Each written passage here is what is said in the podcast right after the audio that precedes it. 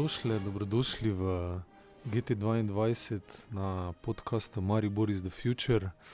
Uh, danes v našem studiu, v studiu Radia Jurab, gostimo uh, dva gosta, Boštjana Narata, pozdravljen.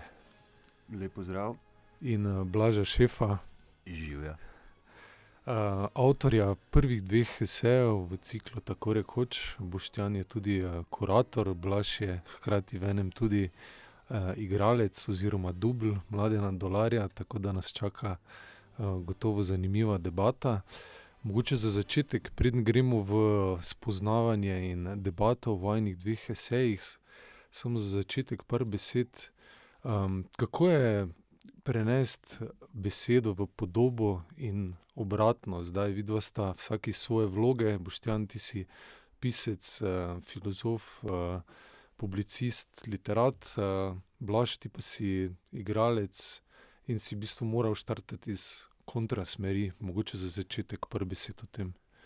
Ja, sam cikl, tako rekoč, se pravi cikl gledaliških esejev, se je ne, na nek način začel z mojim uh, esejem Nedolžno domoljubje, ki sem ga pred tremi leti pripravil za kratek festival Dnevi slovenskega nacionalizma uh, v koprodukciji Zavoda Maska in slovenskega mladinskega gledališča. Takrat sem bil povabljen, da naredim nekaj, ali v smislu predavanja, ali v smislu pogovora, morda okrogli mize, pa sem se odločil, da naredim nekaj drugega. In to nekaj drugega je bila v bistvu uprizoritev mojega um, esejskega besedila. In ker se mi je stvar zdela zanimiva, sem se odločil, da jo pretvorim oziroma razširim v cikl, povabil zraven uh, precej sodelavk in sodelavcev, o katerih bomo seveda gotovo še govorili, uh, med njimi tudi Blaža uh, Šefa, ki je tukaj zraven nas. In um, mogoče je ravno Blaž tukaj zanimiv pojav, ker uh, on je, ko govorimo o ciklu kot celoti, uh, napaka v sistemu na nek način, ker vsi ostali sodelujoči so uh, ne gledališki ljudje, se pravi, gre za avtorice in avtorje, ki jih poznamo po njihovem pisanju, po njihovem uh, akademskem, profesorskem delu. Odvisno, ampak ne pa iz gledališča, vsaj ne neposredno, um, pa so se tukaj pretvorili v igralke in igralce, in v nastopajoče, v tiste, ki uprizarjajo svoje tekste. Blaža, po drugi strani, pa seveda poznamo predvsem kot igralca. In če je, bilo, če je bil drugim glavni izziv, um, kako stopiti na oder, je bil verjetno, tu pa zdaj podajam žogico Blažu, uh, večji izziv. Uh, kako ubesediti svoje stališče, kako ustvariti uh, svoje esejistično gledališko besedilo, uh, medtem ko je seveda uprizarjanje nekaj, s čimer se ukvarja vsakodnevno. Ja, uh, lahko repliko naredim. Kar, uh, sem, uh, najprej sem zelo hvaležen Boštjanu, da me je povabil v ta ciklus, ker je to tudi bila ena taka uh, spodbuda enih, uh, ne bom rekel zatajevanih, ampak enih dolgo odlašanih uh, strasti, ki jih imam. Uh, Eh, po eni strani, hvala Bogu, v slovenskem mladinskem gledališču se veliko ukvarjamo z tem, če se zdaj v prevodu reče snovalno gledališče ali device theater. Se pravi, da veliko enih gledaliških predstav delamo tudi na način tega, da smo igralke in igralci, so avtori uh, in da imamo veliko priložnosti ne samo za gledališke liste, ampak tudi za same uprizoritve, pisati besedila, jih prilagajati, uh, jih predebatirati z režiserkami, režiserji. Uh, Um, ampak jaz sem včasih bil bistveno bolj pišoč človek, kot sem bil v zadnjih letih, in mi je to malo zmanjkalo, in se mi je zdaj ta strast ponovno prebudila. Um, esejska, poetična, ne vem še sam, ker je kombinacija večjih stvari. Vsekakor pa je bil ta uh, ciklus izziv, da napišem esej o eni temi, ki me obseda že več let in da jo probam narediti dostopno širšemu krogu občinstva. Obenem pa vendarle, da je to tudi nek uh, gledališki dogodek, se pravi, da je nekaj, kar nima enake vrednosti pred občinstvom ali pa samo zapisano. Uh, mislim, da je zelo, zelo hecno, kako odr sam po sebi pokaže, katera besedila so izrazito literarna in katera dejansko pred občinstvom zaživijo še bolj, kot zaživijo na papirju. Zelo, zelo hitro se to pokaže, tudi kadar si sam navaja, recimo. Samo, kadar smo sama z Boštjanom bila na vajah, zamuje se, recimo, kar je samo en človek, ki je obenem publika in feedback in kurator, že takrat se pokaže, kaj bolje funkcionira in kaj ne. To je zelo zanimiva izkušnja za mene in sem zelo hvaležen za njih. Um, hvala za te uvodne takte. Um, mogoče pa si zdaj kar poslušamo uh, začetne izseke vajnih dveh esejev, pa potem uh, nadaljujemo z debato.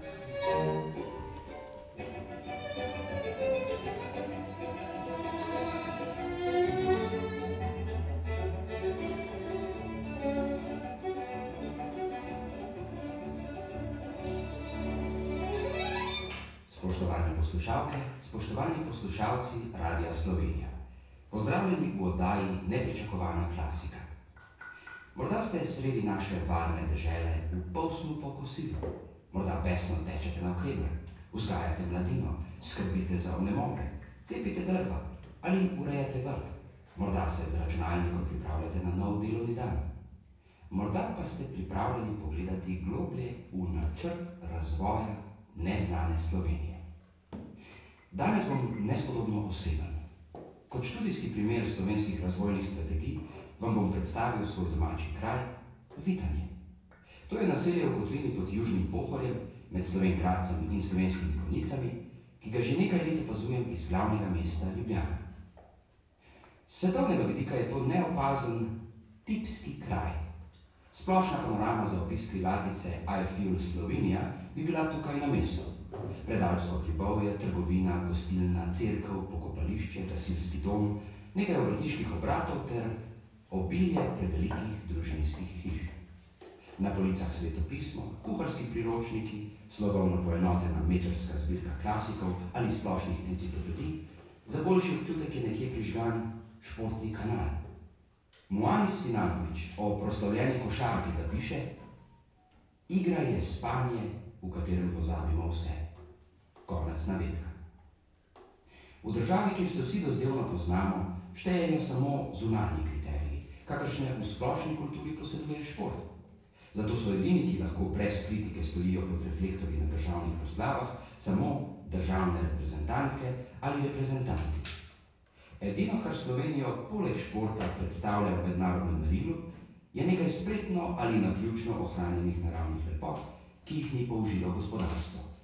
UNESCO-vih naravnih čudes v tipskem kraju ni. Na področju človeške dejavnosti, ki bi presegala čas, zeva praznina.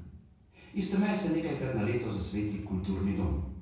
V njem prebiva ljudska, zabavna ali osnovnošolska kultura. Umetnosti ni. Znanost potrebuje tehnološki ali univerzitetni aparat, ki ga omejujemo na urbano okolje. To se bomo lotili načrtov mikroglobalizacije. Kako iz obrobnega pojava torej narediti svetovno zgodbo, ne da bi jo samo prodajali? Za začetek si zamislimo samo, ali bi kot tuje obiskovalke ali obiskovalci v Sloveniji ločili pomembna naselja, kot so Gornji grad, Spodnja Idrija, Kropa ali Vitanje. Kruh in politika je etnološka študija iz 80-ih let 20. stoletja, ki je vitanje obravnavala kot idealno naselje iz predmodernih časov.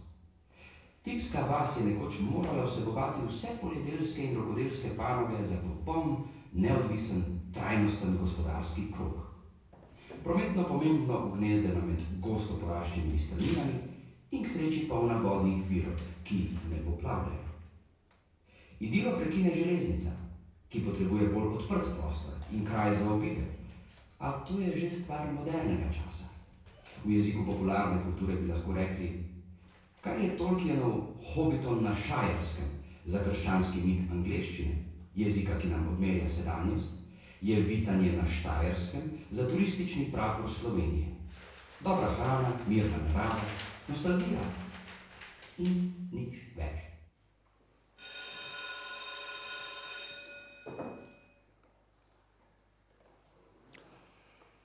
1. september 1991, čez slab mesec bom star 15 let, gimnazija Poljane, prvi letnik, prvi šolski dan. Nisem verjel, da bom sprejet. V sedmem in osmem razredu sem bil prav dober, fizika, kemija. Sem del neke pseudo-baby boom generacije iz sredine 70-ih, ogromno nas je in konkurenca je strašna. Vsi hočejo na Bežigrad ali pa na Poljane, to je elita. Starša sta se pred enim letom ločila, z mamo živiva v mali vasi, viden, dobro polje, suha krajina, dolenska. Avtobus odpelje ob 6 uri in 10 minut, do avtobusne postaje imam 20 minut peš. Visok sem 169 cm in moj nos se mi zdi neskončno velik.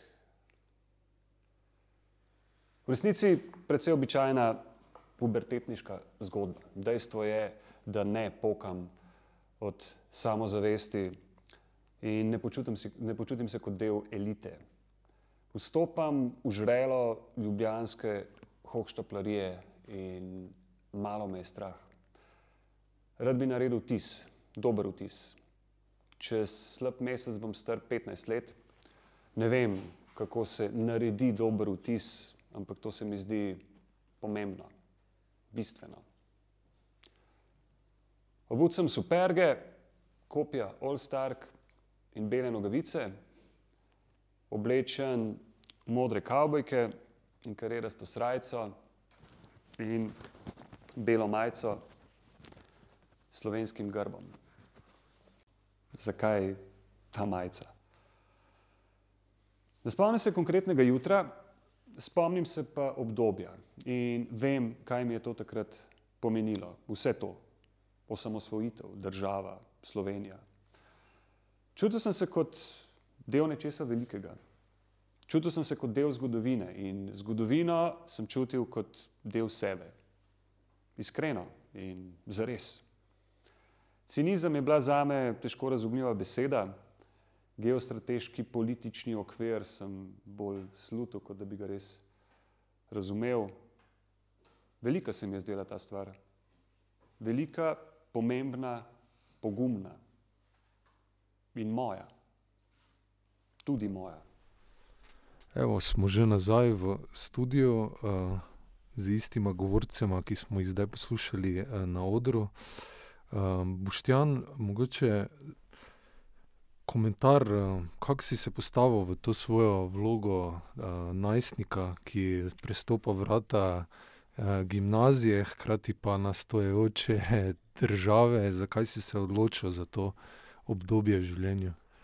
Um, odločil sem, v bistvu, moje sej se nekako poigrava z dvema trenutkoma v mojem življenju. Eno je ta smo, o katerem smo zdaj poslušali, se pravi 1. september 1991, jasno nekaj mesecev po osamosvojitvi, ko hkrati tudi postanem uh, gimnazijec in ja, na prvi šolski dan. Uh, poskušajoč narediti vtis, pridem v majici s slovenskim grbom, kar mi je danes nepredstavljivo, ampak takrat uh, sem očitno stvari doživljal na tak način. Uh, drugi moment je pa 31. maj 2018, ko se na trgu republike dogaja shod proti politiki sovraštva, shod, na katerem je nekaj tisoč ljudi. In kjer se v nekem trenutku pojavi človek s slovensko zastavo, in jaz v njem takoj prepoznam nekoga, ki pa se s tem, kar ta shod zagovarja, ne strinja. Se pravi, kako v bistvu ta znak, ki je načeloma seveda znak vseh nas, znak naše države, eh, znak Republike Slovenije, um, kako je v zadnjih letih pridobil v bistvu izrazito, zelo konkretno ideološko uh, obarvanost. Preprosto zaradi neke dolge geneze, ker si je vsta čas, ali pa vsaj zadnjih deset let, m, ena stran, če poenostavimo politični spektr, uh, vse čas nekako lastila, uzurpirala te simbole, jih poudarjala, tako kot si je eh, ena stran v bistvu vzela uh, pravico do tega, da govori o pojmih, kot so domoljubje. Uh, druga stvar, stran ne, pa je bila glede tega mogoče večkrat rezervirana, uh, če že ne vsem tem konceptom ne naklonjena, kar je pa svoje logično, ampak hkrati se je zaradi tega zgodil nek ta bizaren obrat, da postane nacionalni simbol znak politične barve, kar pa se mi zdi uh, vendarle zelo, zelo problematično. Um, in se na nek način se to uh, navezuje tudi na uh, Blažov esej, ki tudi v. Ne, no, V, ja, se, mislim, da vem, kaj si hotel. ja, Je, um, jaz govorim recimo o, o fenomenu tipskega kraja.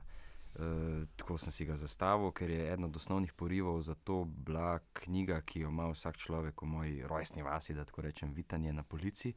In se imenuje zelo tako, tak splošen naslov je Kruh in politika. To je ena znamenita etnološka študija iz 80-ih let, um, ki je obravnavala moj kraj kot tisto, kar sem ga jaz v otroštvu eh, vedno videl. In to ne v slabem smislu, kot uh, idealno naselje iz nekih predmodernih časov, se pravi iz eh, 19. stoletja. Preden je prišla vsa industrializacija uh, na glavni poligon krajev, kjer živimo, se pravi dr države, v kateri živimo, in vseh držav, ki so bile prej. Skratka, um, kako uh, iz tega eh, spet ta dvojnost, kot je pri Boštjanu dvojnost med tem, da človek hoče biti domoljub, pa se mu zdi, da s tem piha v napačen rok. Uh, tako je pri nas, um, da so ljudje zelo ponosni na svojo drugačnost, ki je pa pravzaprav najbolj tipska, kar je mogoče. Se pravi, se ponašajo s stvarmi, ki so tipološke za kraje širom Slovenije, ne samo znotraj naše regije, ampak celo znotraj države. Um, in se mi je zdelo, to, da je treba to problematizirati in razpreti. Uh, se pravi, to tipskost, ki naj bi bila v očeh domačinov popolna specifičnost. Pa ni, ne. Ja, zanimivo, zanimivo. Um, mogoče je še eno pod vprašanje tukaj. Um, uh, govoriš o tej tipskosti um, um, kraja, ampak hkrati ga navežeš tudi na uh, gospodarja prstanov, ne? na Hobbiton, Ja. na Šajersko, nekaj, kar je. Uh, Tudi zelo tipskega se mi zdi, ampak v filmskem svetu, kjer so znali ravno to, uh, uh, ta duh uh, teh majhnih krajev ujeti uh, in ga celo, kako bi rekli, uh, neko karikaturo tega ustvariti. Uh, kako si ti razmišljal, kako si navezal to dvoje? Po eni strani se mi je zdelo, da je to za mojo generacijo bil, uh, bila popkulturna mitologija naše pubertete, se pravi preloma tisočletja, uh, kjer je angliško dominirana popkultura najbolj nas osvojila z predvsem kosmatim lončarjem oziroma Harryjem Potterjem, pa z gospodarjem prstanov. Um, in je to neka mitologija, ki je vmes postala kar vsem. Se, razum, se razume, kot da je to naša podstat, se pravi troli, orki, vilinci, vse to, kar spada tej anglosaksonski popkulturi. In med njimi tudi ta lik hobitov, pri katerih me je fasciniralo, ker sem to v srednji šoli šel gledat. In je prvi stavek uh, o hobitih. Hobiti živijo preprosto življenje, brez pretirane eh, skrbi za zunanji svet. In to je nekako tako, kot ne samo slovenci, ampak tudi predstavniki tipskih vasi živijo svoje življenje. Ne bi hotel dajati predznaka tukaj, ampak zelo malo se nas na, na dolgi rok dotakne. Um, in zelo smo zvesti nekemu naravnemu načinu življenja, oziroma smo vsaj bili do časa mojega otroštva. Takrat naprej se je pa začel, začela ta prelomnica, ki je tudi ena glavnih tem mojega eseja, da se je skupnost, ki je včasih bila povezana zaradi tega, ker je garaško delo to terjalo od njih, ker ni mogel, ni mogel vsak vsega sam, in pozneje je bila zapovedana, ker je socializem zapovedal, da obstajajo prosvetna društva, danes popolnoma razbila in jih v malih krajih, kjer bi morala obstajati, ali pa kjer se ti vsaj zdi, da bi morala obstajati, je tako rekoč ni več in jo po konci držijo samo še ljudje, ki imajo nostalgijo po starih časih in so večinoma najmanj, kar je, starejši recimo od 65 let. Mlajši ljudje ne čutijo, ne čutijo te neke dožnosti za neprofitne skupinske dejavnosti. Moja generacija že, absolutno ne. Tudi jaz sem imel zelo veliko pomanjkanje tega, da se ne izuzamem. In tukaj naprej je štartal moj razmislek in se navezal na Hobbiton. Se pravi, kako ohraniti sodobnost, kako se ne vračati v stare vzorce, pa vseeno ohraniti duha skupnosti, ki lahko uh, se sporazumeva, tako kot je Boštjan večkrat že poudaril, da v skupnosti ni nujno, da se vsi razumemo, moramo pa ostati v dialogu. To je ključno. Mm. To se mi zdi. Mislim, da imamo že kar en zanimiv izsek iz Boštjanovega eseja, ki je, bo se navezal ravno na to debato o skupnosti. tako da si ga dajmo prisluhniti, pa se potem vrnemo v studio. Skupnost, skupnost ni melni mehurček, podobno mislečih, v katerem se počutim udobno. Skupnost je vedno tudi stvar nelagodja. Tako kot država, tako kot domovina. In 31. maja 2018 sedim na stopnicah pred Maxi Marketom in čutim to nelagodje, zelo konkretno ga čutim. Zastava je v njegovih rokah, on si jo je prilastil, prilastil si je simbole, prilastil si je domoljubje in cel tako imenovani domoljubni diskurs in iz mene naredil človeka, ki nima odnosa do domovine. Oziroma, jaz sem mu vse to prepustil. Jaz sem mu dovolil, da je nekaj, kar sem 1. septembra 1991 čutil kot svoje, do te mere, da sem to nosil na svoji beli majici na prvi šolski dan, postalo znak nečesa, s čimer se absolutno ne morem strinjati, kaj šele poistovetiti.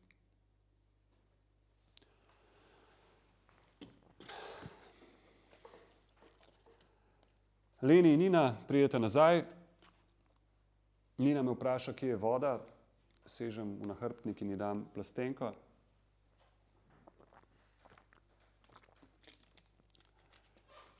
Leni me sprašuje, kaj dela muca, jaz imam pa občutek, da me sprašuje, kaj je narobe. Ne vem, to je narobe. Da ne vem več. Eni pravijo, da je vse skupaj nepomembno. In verjetno imajo prav. Všeč mi je, da nismo obsedeni s svojimi simboli, da nismo kot, ne vem, američani ali pa hrvati, ki si jih tiskajo na robove spodnjih hlač. Ker več čas upletati s temi zastavami, se to v resnici nima nikakršne zveze z domoljubjem. To je preprosto infantilno.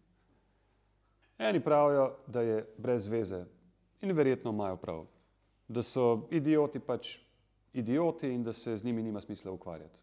Naj imajo te svoje zastave, pa če je treba v vsaki učilnici.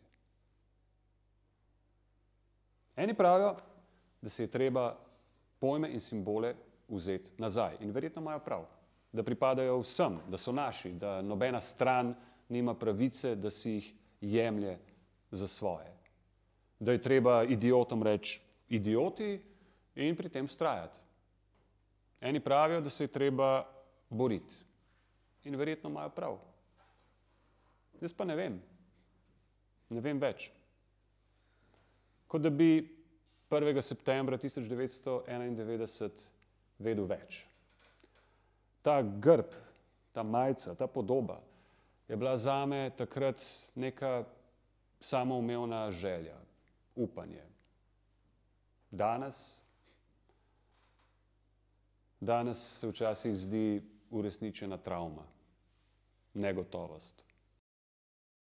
Boštjan, to je fully zanimivo, ne, navezovati skupnost na domoljubje, eni besedi, ki dom, skupnost, država, ki se neprestano prepletajo v tvojem, eseju.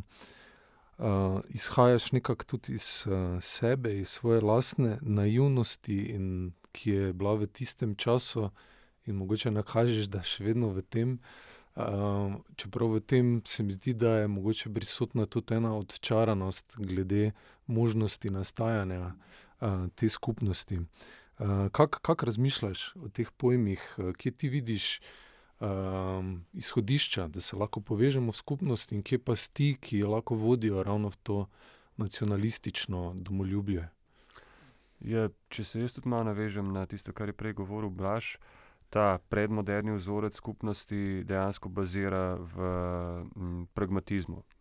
Se pravi, ja, delo je težko, trdo, veliko ga je in ne moreš ga opraviti sam, se pravi, z ljudmi, s katerimi se morda sicer, ne razumeš najbolje, si na nek način prisiljen, oziroma čutiš to kot uh, osnovo svojega preživetja, da se z njimi tudi povezuješ, da z njimi sodeluješ.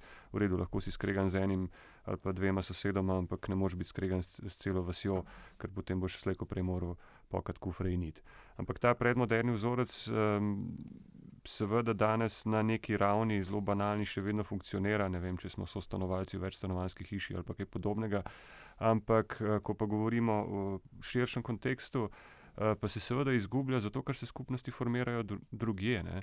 in ker se ti milni mehurčki formirajo drugje, ne nujno v fizičnem svetu, v katerem prebivamo, ampak v razno raznih virtualnih svetovih, kjer pač brez težave najdemo somišljenice in somišljenike, pa ne glede na to, kako uh, nore, absurdne ali pa povsem. Eh, zgrešene, morda celo škodljive so naše ideje. Pač uh, samo nekaj klikov stran sem od uh, Facebook skupine, ki uh, zagovarja isti, uh, bom rekel, kretenizem, kot uh, meni roji po glavi, ne? ne glede na to, kako bizaren je. Skratka, nimamo problemov s tem, da najdemo somišljenice in somišljenike, um, ampak uh, vse to se dogaja ne bom rekel nekje drugje, ampak definitivno na nekem drugem nivoju. Eh, po drugi strani pa, kakorkoli obračamo fizični prostor, še vedno je prostor, v katerem bivamo, v tem fizičnem prostoru pa se srečujemo. Eh, in ko rečem fizični prostor, mislim tudi ja, na državo, mislim tudi na to neko ali nacionalno ali nadnacionalno, kakršno koli že skupnost, s katero si delimo uh, potne liste in podobne banalije. Uh, tukaj smo pa naenkrat uh, soočeni s kruto realnostjo, da je tukaj ogromno nekih ljudi, s katerimi pa ne delim idej, s katerimi ne delim vrednot, s katerimi uh, se morda radikalno ne strinjam, pa še vedno delim z njimi. Uh, določene stvari in vedno bom delil te stvari. In tako kot pač tudi sam pravim v svojem eseju, ja, skupnost je vedno tudi stvar nelagodja. Država je stvar nelagodja, domovina, vsi ti pojmi so povezani tudi z nekim nelagodjem, ki ga čutim zaradi dejstva, ker sem prisiljen živeti z ljudmi, ki mi mogoče niso všeč ali pa sploh niso všeč. Uh, in sprejeti to nelagodje nase, se ga zavedati, uh, mislim, da je že nek korak, ki mi omogoča, da pač jemljem svojo pripadnost z neko rezervo, lahko tudi z neko distanco, ampak da se pa ne sramujem, da je ne zavračam, da je ne zanikam, da jo pač vzamem kot danost, kot zavezo, kot dejstvo, ki uh, ja, je lahko tudi uh, včasih neprijetno, ampak uh, spremeniti ga pa ne morem. Ne. In mhm. tudi nočem v končni fazi. Mhm.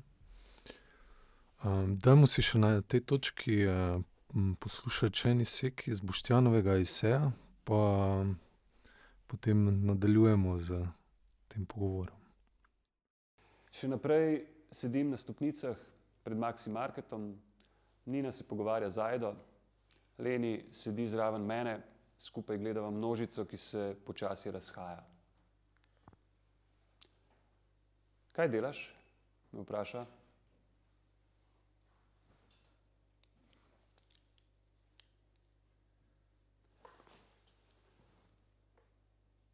Poskušam smiselno živeti svoje kontradikcije. Nekaj časa je tiho, potem pa se zasmeji in reče: Kaj dela kuža?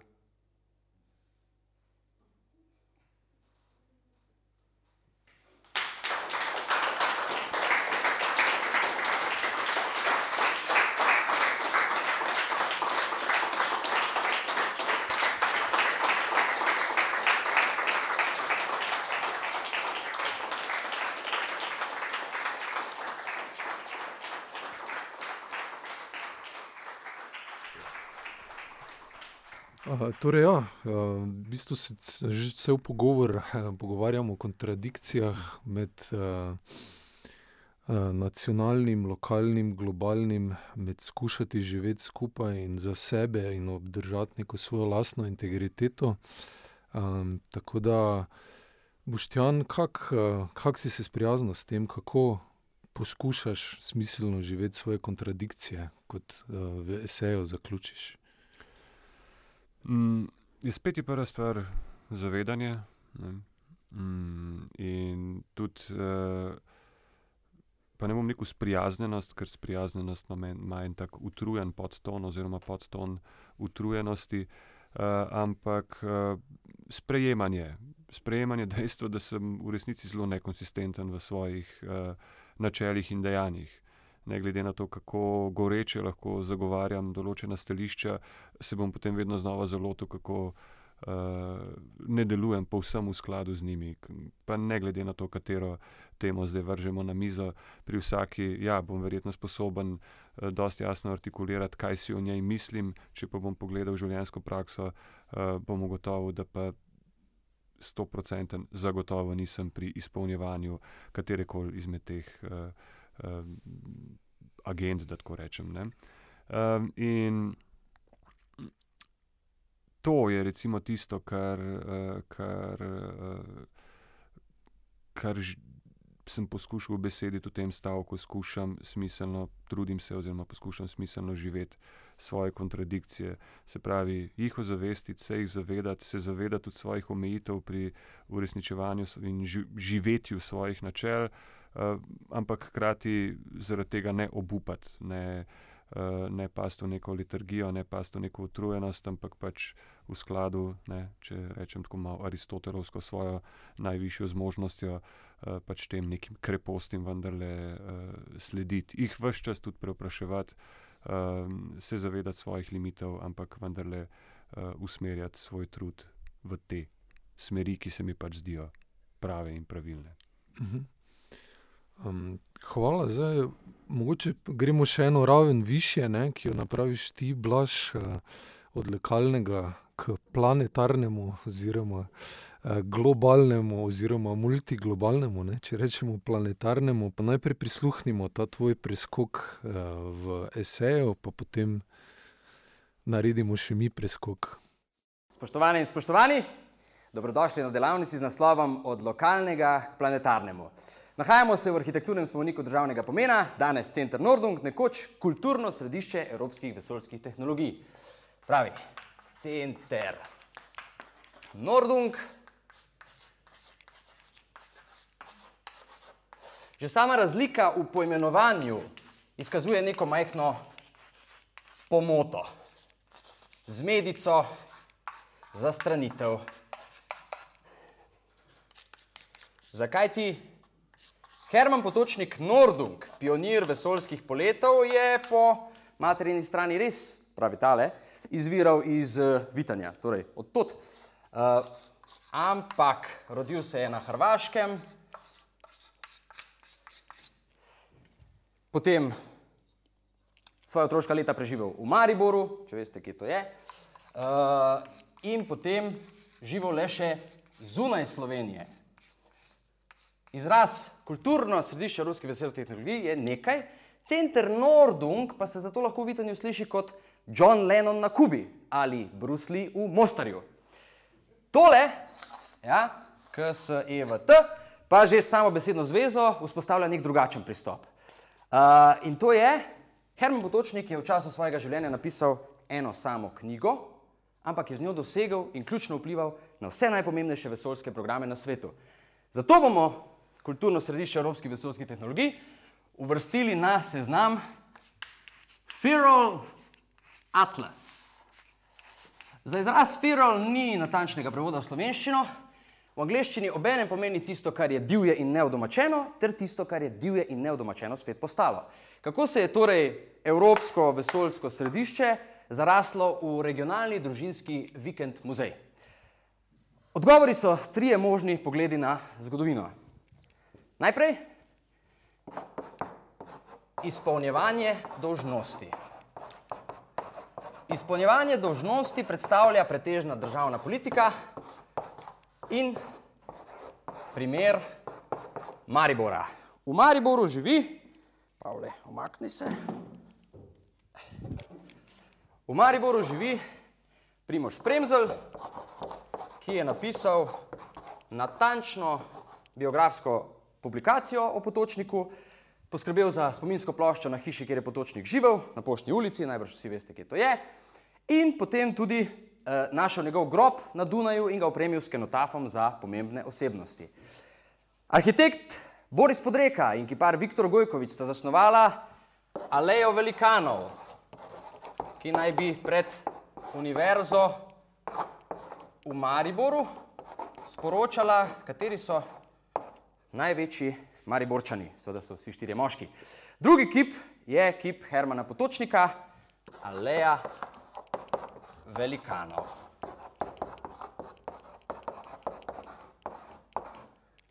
Zdaj pa pogledajte ven, v Vitanju smo.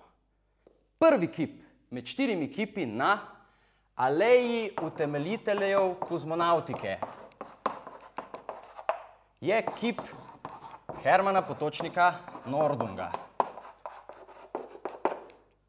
In z te aleje slovenec, rus, nemec in ukrajinec motrijo to stavbo, v kateri se nahajamo in jo postavljajo v kontekst.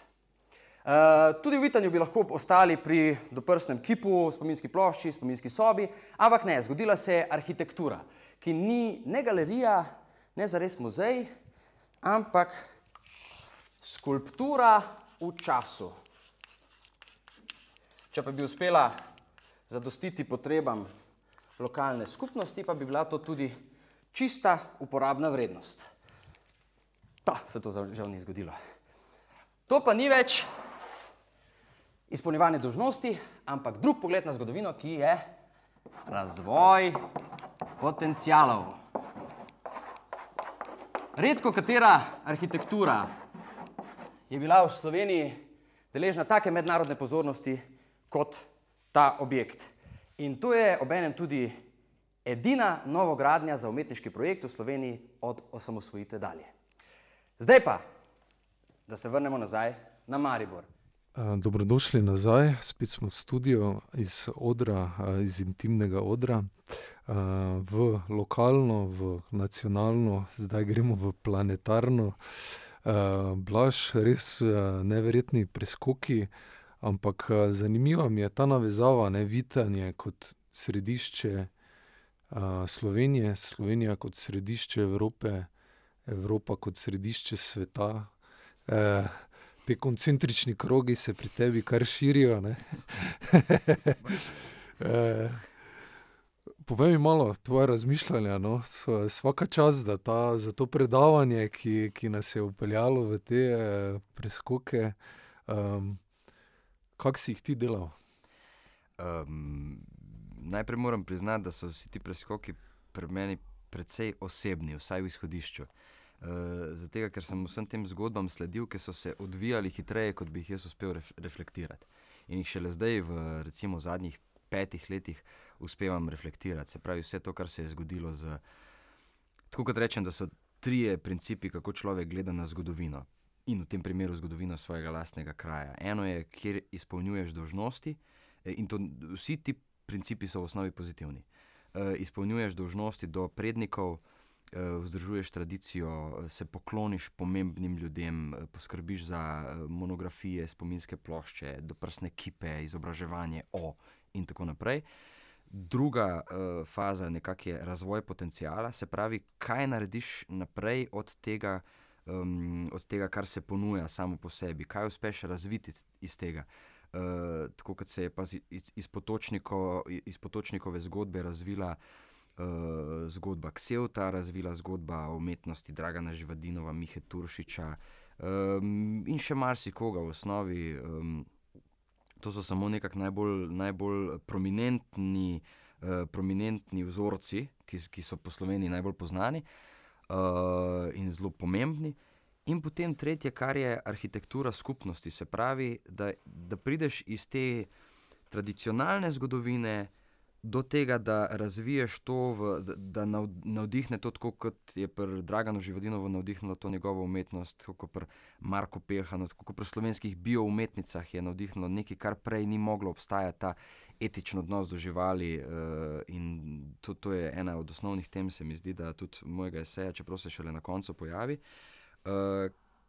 in da, da potem, zgradiš nekaj, kar, kar pelje naprej, se pravi, en od osnovnih poudarkov noter je, da je eden od osnovnih naših načrtov v Ksevtu bil, da se zgradi postdoktorski program, kjer se ljudje, ki se po svetu niso imeli doslej možnosti ukvarjati z umetnostjo in humanistiko v realnem vesolju, se pravi prek teh, uh, vesoljskih agencij, ki so po svetu, ne vem, če je to v splošni, splošnem znanju, da so večinoma podvržene ministrstvom za obrambo, pa vojaškim strukturam.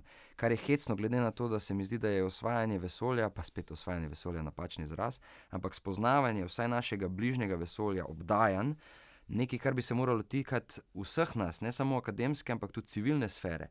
Tako kot se nas je tikalo ob pristanku na Luno, tako kot se nas tika zdaj ob kakšnih večjih temah, tu in tam kaj prasne, ampak zdaj se nas nažalost tika samo ob komercialnih temah. Se pravi, ime Tesla so razprodali nekomu, ki s tem dela bolj ali manj sporne projekte, ki se zelo malo civilne inicijative tičejo. Tičejo se nekega osebnega spomeničarstva, pa neke slave. Uh, ime Nordung se je razprodalo, to tudi vse govorim, kam vse. Um, obenem pa, če beremo stare spise Nikole Tesle, Hermana Potočnika in še koga, pridemo do takih zanimivih projektov, kot je recimo projekt letošnjega Beneškega bienala, uh, države, ki je zelo podobna nam v marsičem, pa se tega ne zavedamo, recimo Litve. In njihov projekt Litvanska vesoljska agencija, mlada sodobna litvanska poezija, ki je s tem povezana, ki je tako, kot da bi bral zgodovino slovenske umetnosti, je, ker odpreš vsaj ti dve publikaciji, se pravi Litvanska vesoljska agencija in mlada litvanska poezija. In ta odmik uh, od te, uh, kar na vidiš, dokončne naše realnosti, iz katere ven ne moremo, v kateri se vsi koljemo za ta minimalna državna sredstva, um, je, je, je zelo zanimiv in uh, ponuja uh, tudi eno od rešitev, se mi zdi, da nekaj rešitve, ki nam lahko pomagajo znotraj našega vzorca. To uh -huh. se mi zdi.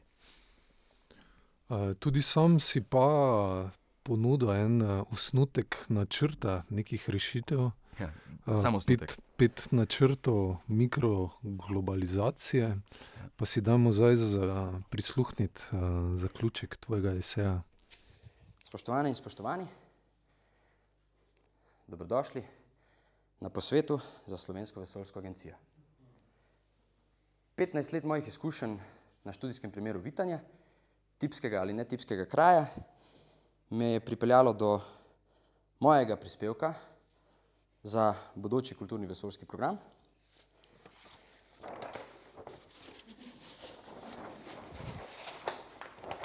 Ki sem ga naslovil pet načrtov mikroglobalizacije. Na njem pa bom dodal tudi ljudi, ki ga že so ustvarjajo in njihova imena. Prvič, regionalni razvoj umetnosti. Oblasti so včasih gradile svojo ideologijo s gradnjo crkv, potem kulturnih domov, danes več namenskih prostorov in športnih dvoran. Je zadoščanje potreb največ, kar zmoremo? V tipskem kraju je, po mojem mnenju, treba graditi nepričakovano in dodajam imena: Srečko Fjavš, Slavko Vetrih, Pavel Skaza, Jure Jakob, tri pike. Druga točka: gledališče v breztežnosti.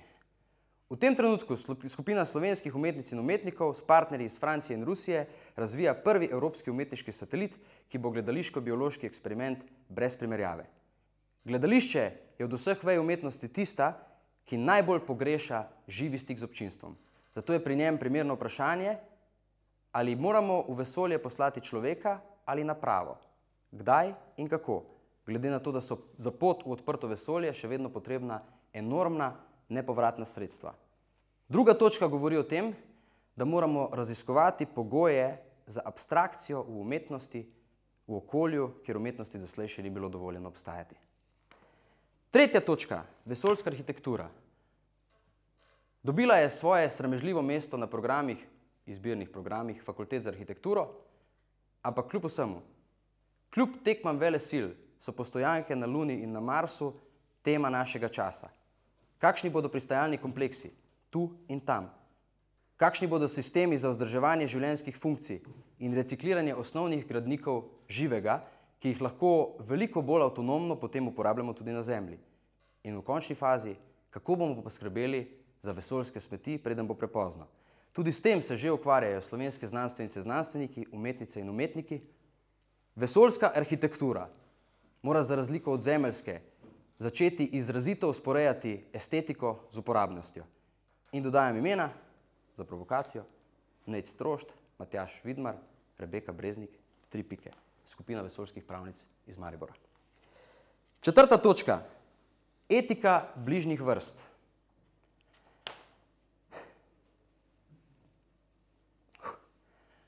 Bližnje vrste in kulturne rastline so nekaj, kar ne moremo več omejiti na posamično, državno, kontinentalno ali klimatološko pasovno.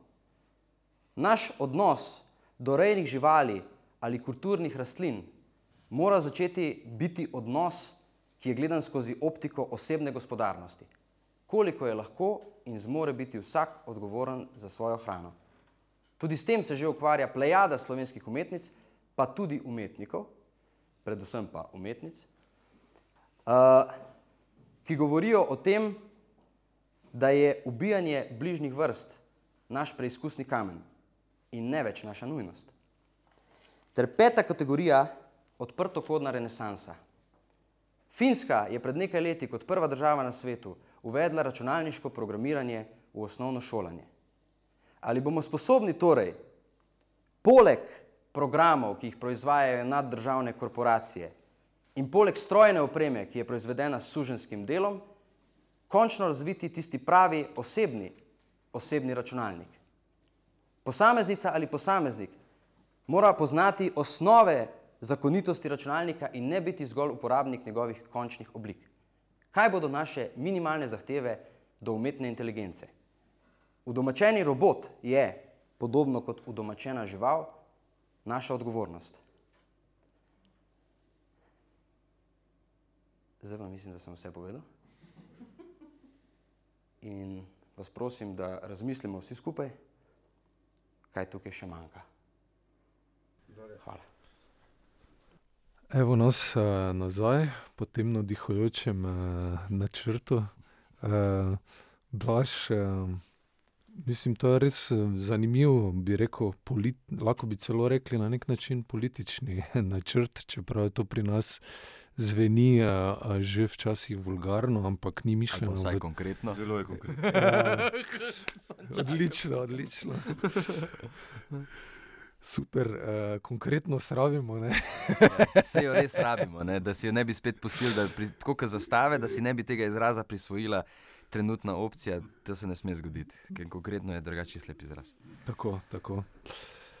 Uh, zdaj pa, ja, mogoče konkretno omenil uh, si včeraj po eseju, da bo ta esej uh, tvoj poslan vsem vpletenim, veliko imen si na, naštel v ki, so, uh, ki vidiš kot del teh svojih načrtov, um, kaj si obetaš, oziroma kaj, kakšni so tvoji nadaljni razmisleki o tem, kako se lahko to razširi. Nadaljuje. Načeloma si ne obetam prav dosti za enkrat, probujem biti čim bolj uh, zen budističen, ali kaj bi se temu reklo. Se pravi, pričakuj čim manj in se odzivaj na tisto, kar bo. Um, Ponavadi je tako, da eh, nas, um, umetnike, pa mogoče moje kolege, ki so pretežno iz področja humanističnih znanosti, um, nas gledajo malo čudno, ker, smo, ker je v nas premalo strukture. In moram reči, da jih v tem naravoslovce ali pa tehnologe, celo gospodarstvenike, velikrat razumem. Um, kategorizacija nekih znanj je pač nujna, spravljanje stvari v strukturo. Skratka. In uh, se mi zdi, da si najbolj obetam enih čim bolj resnih odgovorov. Tako kot recimo, ko sem poslal, evo, da dam en primer, že pred tem esejem sem ene stvari moral preverjati. In ugotovil, uh, ko omenim noter v eseju, uh, da je eh, kulturno središče evropskih vesoljskih tehnologij, oziroma danes se imenuje Center Nordog, edina novogradnja v Sloveniji po osamosvojitvi posvečena umetniškemu projektu, in sem ugotovil, da je to pravzaprav res. Edini dve stavbi, ki sta se na novo zgradili z področja kulture in umetnosti po osamosvojitvi, sta ena, ki je bila samo dokončana v začetku 90-ih, projektirana pa že v 80-ih in to je Slovensko narodno gledališče Nova Gorica. Eh, skupina Kras ga je projektirala, Ravnikar in tako naprej.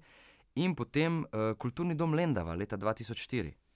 Ampak, ker sem specifično svojem eseju rekel, posvečena umetniškemu projektu, se pravi nečemu, kar je že v osnovi progresivno in ni samo nekaj, kar je Uh, Kaj je ta neumen tu izraz? Facilitator. Evo, se pravi, nekaj, kar omogoča, nekaj, ampak nekaj, kar že izhaja iz ene misli, iz enega načrta ven, je pa edino ksevt. Vse ostalo so bile adaptacije, pregraditve, kar je vse lepo in prav.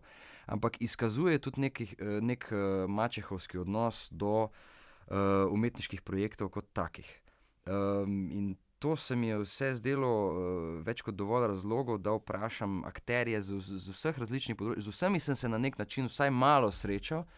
In vsi so me večinoma zelo čudno gledali, uh, večinoma so me gledali kot podaljšek uh, opusa Dragana Živadinova, ki je za moje osebne pojme en pomemben opus v slovenskem umetniškem prostoru, nikakor pa ni edini in uh, nikakor niti ni edini, ki se ukvarja z vesoljem. Um, tako da se mi je zdelo, da je dobro to razširiti na neko področje, kjer bi se spet lahko, tako kot so se par let v Ksevtu lahko pogovarjali ljudje iz uh, Sazuja, uh, Univerze na Primorskem. Se pravi, neki ljudje, ki imajo zelo različne uh, skupine, zelo različen domet, da bi skupaj lahko ustvarili Slovensko vesoljsko agencijo. Ker moje osebno mnenje je, da Slovenska vesoljska agencija mora imeti nekaj med svojimi glavnimi točkami, ali pa mogoče samo eni sami, ki jo bo ločilo od ostalih vesoljskih agencij že samo v Evropi. Uh, ker drugače je ne bo.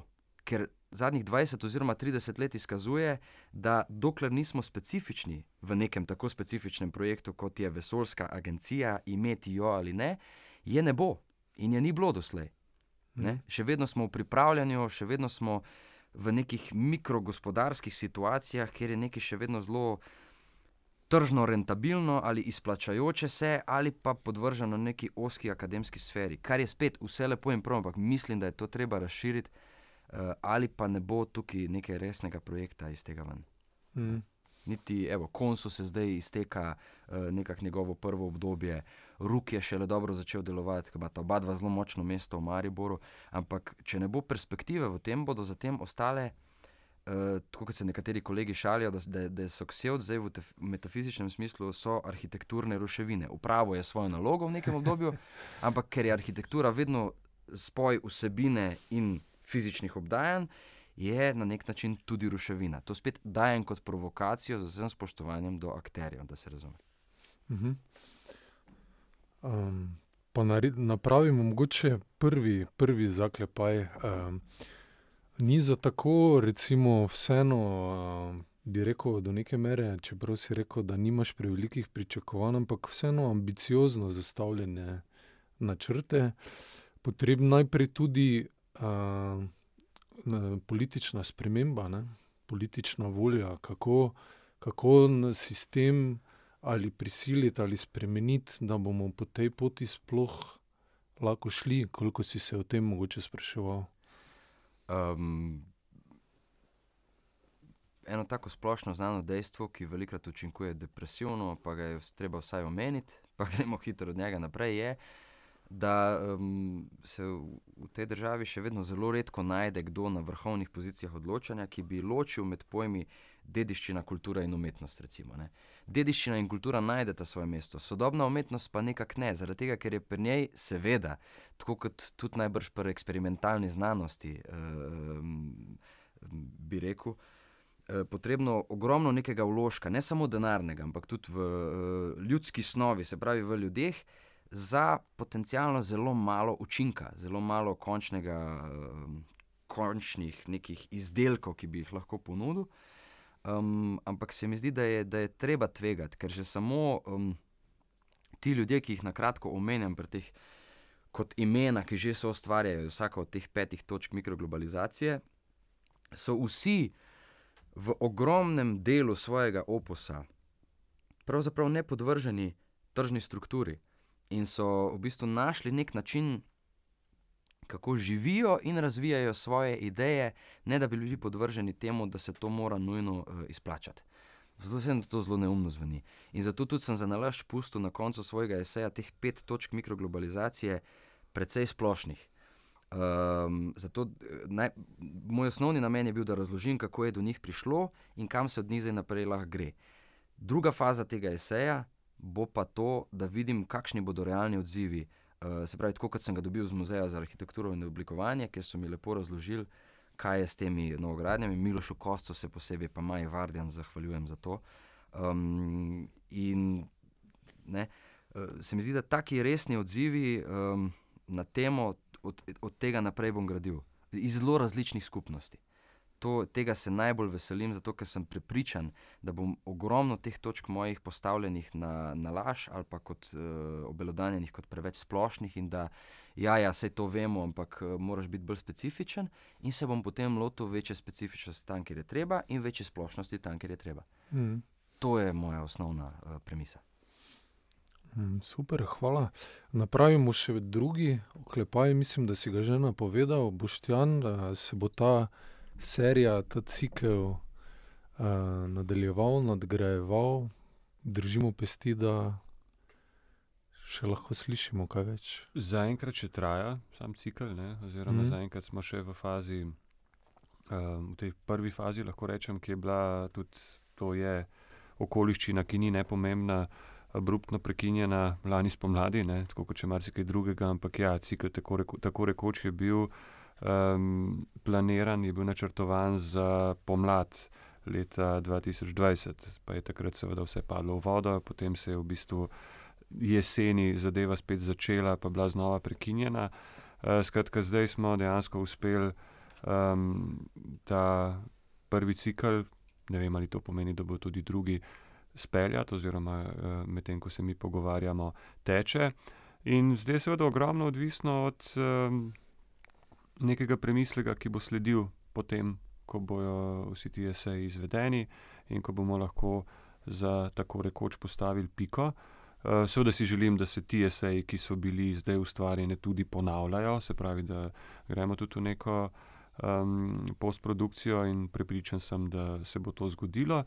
Kar se tiče pa cikla kot celote, ali bomo razmišljali o tem, da ga recimo naslednjo sezono, uh, da se ga lotimo spet, seveda to bi pomenilo z novimi gostjami in gosti, uh, z novimi avtoricami in avtori, pa je ta trenutek še preuranjeno. Jaz bi predvsem rad tudi nekako zdaj uh, izmeril temperaturo celemu projektu, izmeril temperaturo občinstva uh, in ugotovil, ali smo prišli do nečesa, kar je zanimivo do te mere, da je to smiselno razvijati naprej.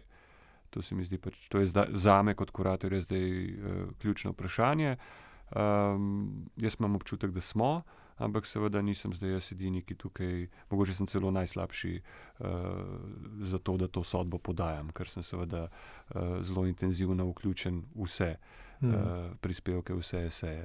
In tukaj bom predvsem uh, jasno uh, upošteval nek feedback, nek odziv. Uh, tako občinstva, kot uh, drugih sodelavk in sodelavcev, kot producentov, in uh, potem bomo pa videli, ali ta laboratorij puščamo odprt in morda naslednjo sezono van povabimo nove raziskovalke in raziskovalce, uh, glede liške esejistike, um, mm. ali, ali pa pač ne, ne vem. Zdaj, če naredimo še uh, tretji zaklepaj, pa omenimo še vse sodelujoče. Uh, ne, v prvem ciklu torej, imamo mladena Dolarja in Blaža Šefa. Ne? Tako, uh, tukaj je Blaž, Blaž je nekako v dvojni vlogi, po eni strani nastopa kot sam svoj mojster, kot se je prej izrazil, oziroma sam svoj esejist, hkrati je pa tudi uh, sodelavec in soigralec mladena Dolarja. Se pravi, vsi zunani, da tako rečem, ne? Mladen Dolar, uh, Renata Salecel, Jrneja Ferleš uh, in Filip Dobranič so imeli možnost, ki so jo tudi vsi izkoristili, da z njimi sodeluje uh, nekdo iz uh, ansambla Slovenskega mladinskega gledališča, se pravi soigralec oziroma soigralka. In tako je Blašev v um, kombinaciji, oziroma nastopa skupaj z Mladenom Dolarjem, uh, z Renato Salecem nastopa Romana Šalehar, z um, Filipom Dobraničem Matej Recer, pri Erneji Ferliš smo si pa prvoščili še en ekskurs uh, ven iz uh, domicila, ven iz uh, domače hiše Slovenskega mladinskega gledališča, tako da z njo pa nastopa Juri Drevenšek. Hmm. In zdaj tudi široka koprodukcija okrog cikla, uh, Maribor, Ljubljana, Mladinsko gledališče, Moment, Maska. Um, čutite tudi, da se okoli tega, okoli teh tem, okoli tega cikla nastaja neka skupnost, ki smo jo večkrat omenili v današnjem podkastu. Mislim, da ta zdaj, institucije, ki si jih omenil, uh, so že, se mi zdi, tako ali tako, ne se mi zdi, so pač tako ali tako zelo močno povezane med sabo in uh, že leta sodelujejo bolj ali manj intenzivno in tudi so sproducirali že ogromno uh, zanimivih vsebin ali gledaliških ali kakšnih uh, ne pa vsem gledaliških. Tako da, kar se tega tiče, mislim, da tukaj skupnost gotovo že obstaja.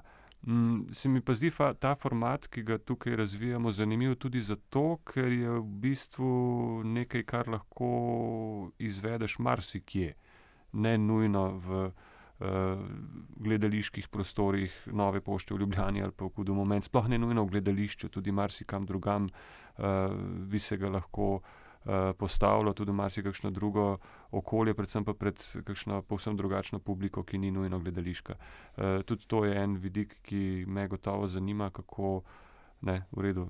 Zapremo se v teater, zato da nekaj naredimo, super pa je, če potem lahko to stvar izvozimo v navednicah tudi v neka okolja, ki niso um, teatrska, ki niso, mogoče tudi niso v prvi vrsti, da tako rečem, namenjena umetnosti ali pa teoriji ali pa uh, ali pa akademskim vsebinam, ne, ampak so nekaj čist drugega. Dobar, ne, ne predstavljam si, glih, da bi šli zdaj v Evropark um, ali pa v kakšen trgovski center, ampak vendarle na nek način, da tako rečem, med ljudi. Hmm.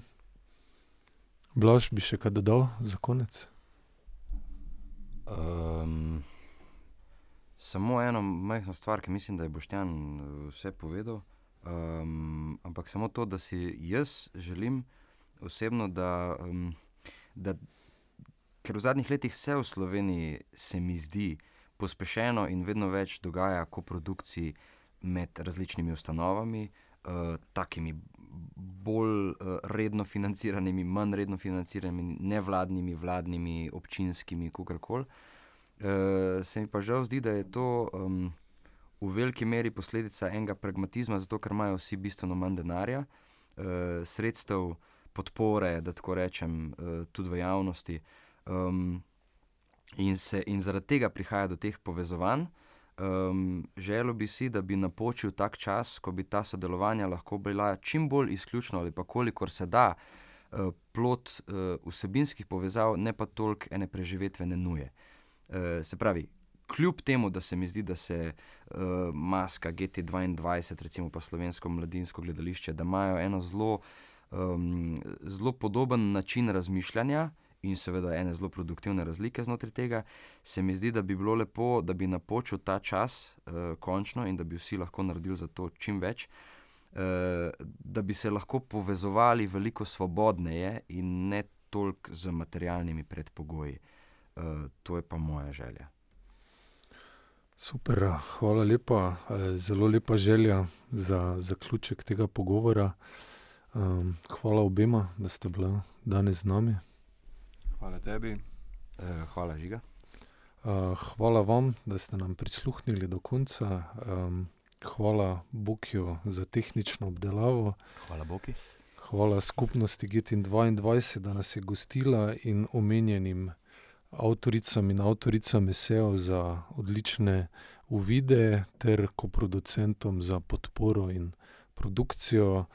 Um, lepo vabljeni še naprej v našo družbo in uh, Maribor is the future.